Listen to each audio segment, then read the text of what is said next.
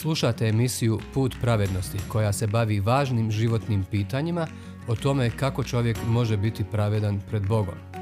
Ako imate bilo kakvih pitanja ili komentara vezano za današnju emisiju, na kraju ćete imati informacije kako nas kontaktirati.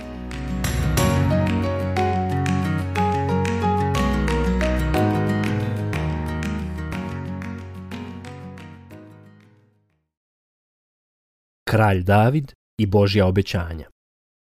Prva knjiga Samuelova, 18. glava, pa sve do druge knjige Samuelove, 7. glava. Prije dvije emisije otpočeli smo malu seriju o kralju i proroku Davidu. Vidjeli smo kako ga je Bog još od ovaca izabrao za drugog kralja Izraela, ali da tada još nije bilo vrijeme za njegovo ustoličenje. Bog je odbacio Šaula, prvog vladara, jer se oglušio na njegovu volju, a u Davidu je vidio nešto drugo. Čitali smo. Nađoh Davida, sina Išajeva, čovjeka po svom srcu koji će ispuniti sve moje želje. Dijela apostolska, 13. glava, 22. stih. Prošli put smo sagledavali čuveni događaj koji znamo kao Megdan Davida i Golijata. Mladi pastir je jednim kamenom svoje pračke oborio gorostasa, a sve zbog svoje žive vjere u živog Boga. Ali danas idemo dalje sa našim proučavanjem. Čitamo iz prve knjige Samuelove, 18. glava. Za njihova povratka, kad se David vraća u bivši Filistejca, izađoše žene iz svih gradova Izraelovih u susret kralju Šaulu, veselo kličući, pjevajući i plešući uza zvuke bubnjeva i cimbala. Žene su plešući pjevale, pobi Šaul svoje tisuće, David na desetke tisuća. Šaul se vrlo ražestio. Nije mu bila draga ta pjesma, zato reče Davidu su dale desetke tisuća, a meni samo tisuće. Još mu samo treba kraljevstvo. I od toga dana Šaul poprijeko gledaše Davida. Da, Izraelci su iskreno zavoljeli mladog Davida, ali što su ga više voljeli, to ga je Šaul više mrzio. Ljubomora mu je obuzela srce i toliko opsjela, kontrolisala da je uskoro mislio samo na jedno, kako se riješiti Davida. Vremenom je to dovelo do toga da David pobjegne u pustinju. Oko sebe je okupio četiristotine nezadovoljnika koji su mu bili odani. Šaul ih je proganjao sa svim svojim vojnicima. Sve je činio ne bi ga uhvatio i ubio. Ali ništa mu nije vrijedilo jer je Bog čuvao svog slugu. Ipak, Davida je ovo jako potresalo. Dugih osam godina je bježao sa svojom družinom i krio se od ubilačkog kraljevog bijesa. Ipak, nije na mržnju uzvratio istom mjerom. Ali kako je to uspio? Nije mogao mrziti jer je živio s Bogom koji je ljubav. Zato nam pismo kazuje. Ljubljeni, ljubimo jedni druge, jer ljubav je od Boga. I svaki koji ljubi, od Boga je rođen i poznaje Boga. Tko ne ljubi, ne upozna Boga jer Bog je ljubav. Mi ljubimo jer On nas prije uzljubi. Rekne li tko, ljubim Boga, a mrzi brata svog, lažac je. Jer tko ne ljubi svoga brata kojega vidi, Boga kojega ne vidi ne može ljubiti. Prva Ivanova poslanica, četvrta glava, sedmi, 8, 19 i 20 stih. Nemamo vremena da čitamo sve te događaje između Šaula i Davida, ali ipak evo jedne priče koja otkriva koliko je David bio poniznog srca. Evo kako čitamo o tome. David se odande uspe i nastani se u engadskim gorskim skloništima. Kad se Šaul vratio iz potjere za filistejcima, javiše mu ovo. David je u engadskoj pustinji. Tada Šaul uze tri tisuće odabranih ljudi iz svega Izraela i pođe da traži Davida i njegove ljude na istok, od litica divokoza. Idući dođe kovčijim torovima pokraj puta, ondje bijaše pećina i Šaul uđe da čučne. A David je sa svojim ljudima sjedio u dnu pećine. I rekoše Davidu ljudi njegovi, evo dana za koji ti je rekao Jahve, ja ću predati tvoga neprijatelja u tvoje ruke postupaj s njim kako ti se mili.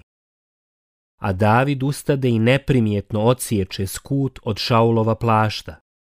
Ali poslije zapeče Davida savjest što je ocikao skut od Šaulova plašta, pa reče svojim ljudima. Očuvao me Jahve da takvo što učinim svome gospodaru, da dignem ruku na njega, jer je pomazanik Jahvin. I David oštrim riječima ukori svoje ljude i ne dopusti im da ustanu na Šaula a Šaul izađe iz pećine i pođe svojim putem. Zatim ustade David, iziđe iz pećine i vikne za Šaulom. Gospodar u kralju! A kad se Šaul obazre, David se baci ničice na zemlju i pokloni mu se. Tada David reče Šaulu. Zašto slušaš ljude koji ti govore da David snuje tebi propast? Gle, upravo u ovaj dan tvoje su oči mogle vidjeti da te je Jahve predao danas u moje ruke, u ovoj pećini. Rekoše mi da te ubijem, ali te poštedjeh i rekoh, neću dići svoje ruke na svoga gospodara, jer je Jahvin pomazanik. O moj oče, pogledaj i vidi skut od svoga plašta u mojoj ruci. Ocijekao sam skut od tvoga plašta, a tebe nisam ubio. Spoznaj i vidi da u mojoj ruci nema ni zlobe, ni opačine. Ja nisam zgriješio protiv tebe, a ti vrebaš na moj život da mi ga uzmeš. Jahve neka sudi između mene i tebe. Jahve neka me osveti na tebi, ali se moja ruka neće dići na tebe. Jahve neka bude sudac, on neka sudi između mene i tebe, neka ispita i brani moju stvar i neka mi pribavi pravdu, neka me izbavi iz tvoje ruke. Kad je David izgovorio te riječi Šaulu, odvrati Šaul. Je li to tvoj glas, sine Davide? I Šaul glasno zaplaka. Zatim reče Davidu, pravedniji si od mene jer ti si meni učinio dobro, a ja sam tebi učinio zlo. A danas si okrunio svoju dobrotu prema meni, jer me Jahve predao u tvoje ruke, a ti me nisi ubio. Kad se čovjek namjeri na svoga neprijatelja, pušta li ga da ide mirno svojim putem, neka ti Jahve naplati za ono dobro što si mi danas učinio. Prva knjiga Samuelova, 24. glava, od 1. do 13. stiha i od 16. do 20. stiha. Nakon toga se Šaul vratio na dvor, ali nije prošlo dugo i ludilo ljubomore mu je opet obuzelo srce. Vratio se u pustinju i nastavio potjeru. Reko smo, radio je to osam godina, ali Bog bi svaki put izbavljao Davida. Na je kralj požnjeo ono što je posijao. Evo kako čitamo o tome.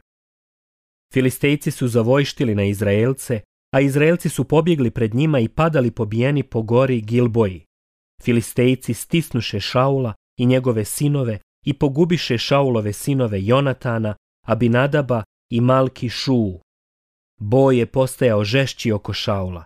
Iznenadiše ga strijelci s lukovima i on pade teško ranjen od strijelaca.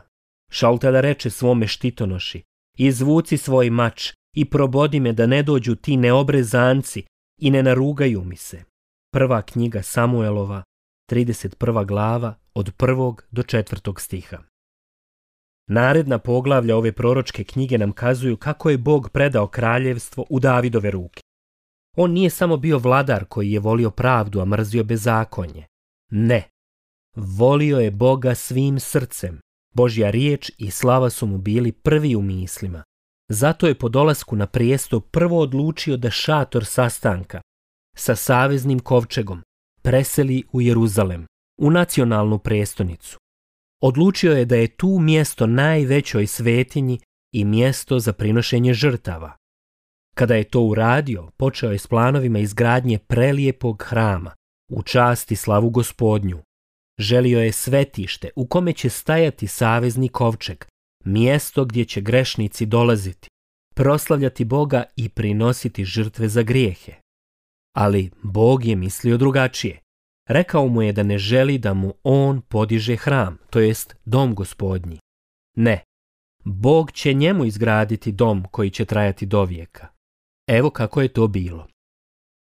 I kad se ispune tvoji dani i ti počineš kod svojih otaca, podići ću tvoga potomka nakon tebe, koji će se roditi od tvoga tijela i utvrdit ću njegovo kraljevstvo. On će sagraditi dom imenu mojem. Ja ću njemu biti otac, a on će meni biti sin. Tvoja će kuća i tvoje kraljevstvo trajati dovijeka predamnom. Tvoje će prijestolje čvrsto stajati za svagda. Druga knjiga Samuelova, sedma glava od 12. do 14. stiha i 16. stih. Razumijemo li dubinu ovog sporazuma, ovog saveza koji je Bog ostvario sa Davidom tog dana? Obećao mu je kraljevsku lozu, dinastiju koja se nikada neće okončati. Ali kako je to moguće da David ima vječno kraljevstvo? Pa on je samo čovjek. Kako bi njegova vladavina trajala do vijeka? Odgovor je u potomku koji će doći i to ostvariti, Biće to jedan od potomaka koji će imati autoritet vladavine i na nebu i na zemlji. Zvaće se princ mira i kralj slave. Rodit će se vijekovima nakon Davida. Zato je prorok Izaija čak sedam vijekova prije tog događaja najavio. Jer dijete nam se rodilo, sina dobismo, na plećima mu je vlast, ime mu je savjetnik divni, bog silni, otac vječni, knez mironosni. Nadaleko vlast će mu se sterat i miru neće biti kraja nad prijestoljem Davidovim, nad kraljevstvom njegovim. Učvrstit će ga i utvrdit u pravu i pravednosti. Od sada i vijeka učinit će to privržena ljubav Jahve nad vojskama. Knjiga proroka Izaije, deveta glava, šesti i sedmi stih. A znate li ko je to? Ko je taj Davidov potomak sa autoritetom vječne vladavine? Znate li ko će suditi svijetu na dan suda i potom dovijeka vladati? Da, to je obećani Mesija koga će roditi djevica i sama potomak kralja Davida. O tome Mesiji pismo kaže. Zato Bog njega preuzvisi i darova mu ime, ime nad svakim imenom. Filipljanima poslanica, druga glava, Deveti stih. I kako je David reagovao kada je čuo za ovaj predivni plan o otkupitelju koji će na svijet doći iz njegove porodične loze? Čitamo ovako. Nato kralj David uđe u šator i stade pred Jahvom i pomoli se. Tko sam ja, gospode Jahve, i što je moj dom, te si me dovde doveo? Pa i to je još premalo u tvojim očima, gospode Jahve, te daješ svoje obećanja kući svoga sluge za daleku budućnost i gledaš name kao na ugledna čovjeka.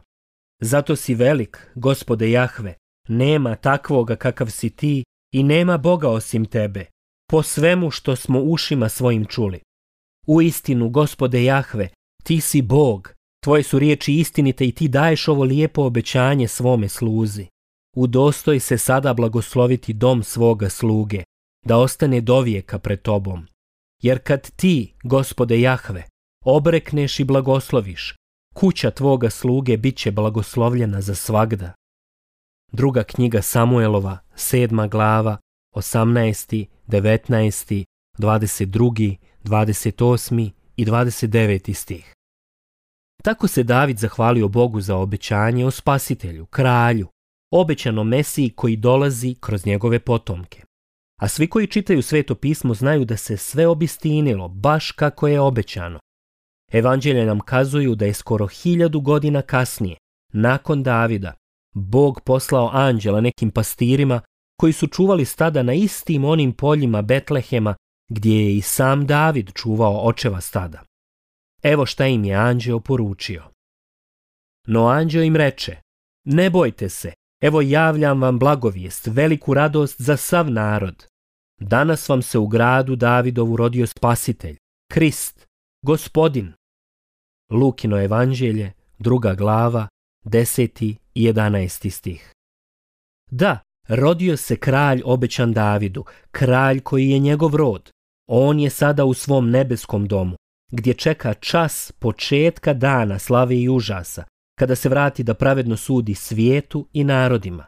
Tog dana će pravednici zaoriti. Uspostavljeno je nad svijetom kraljevstvo gospodara našega i pomazanika njegova i kraljeva će u vijeke vijekova. Otkrivenje, 11. glava, 15. stih. Ali ovdje moramo stati i završiti našu emisiju. Hvala što ste nas slušali. Naredni put, inšalah, nastavljamo priču Davidovog života o jednom događaju od koga će vam zujati u ušima. Bog vas blagoslovio, ostavljamo vas s riječima svetog pisma, koje nas podsjećaju kako i zašto je David mogao voljeti čak i svoga dušmana. Tko ne ljubi ne upozna Boga jer Bog je ljubav. Mi ljubimo jer On nas prije uzljubi.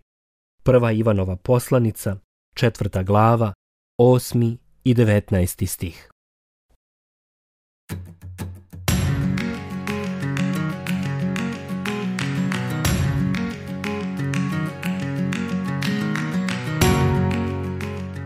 Hvala vam što ste slušali današnju emisiju. Kontaktirajte nas putem našeg e-maila putpravednosti.bih.gmail.com ili putem naše Facebook stranice Put pravednosti. Do sljedećeg slušanja.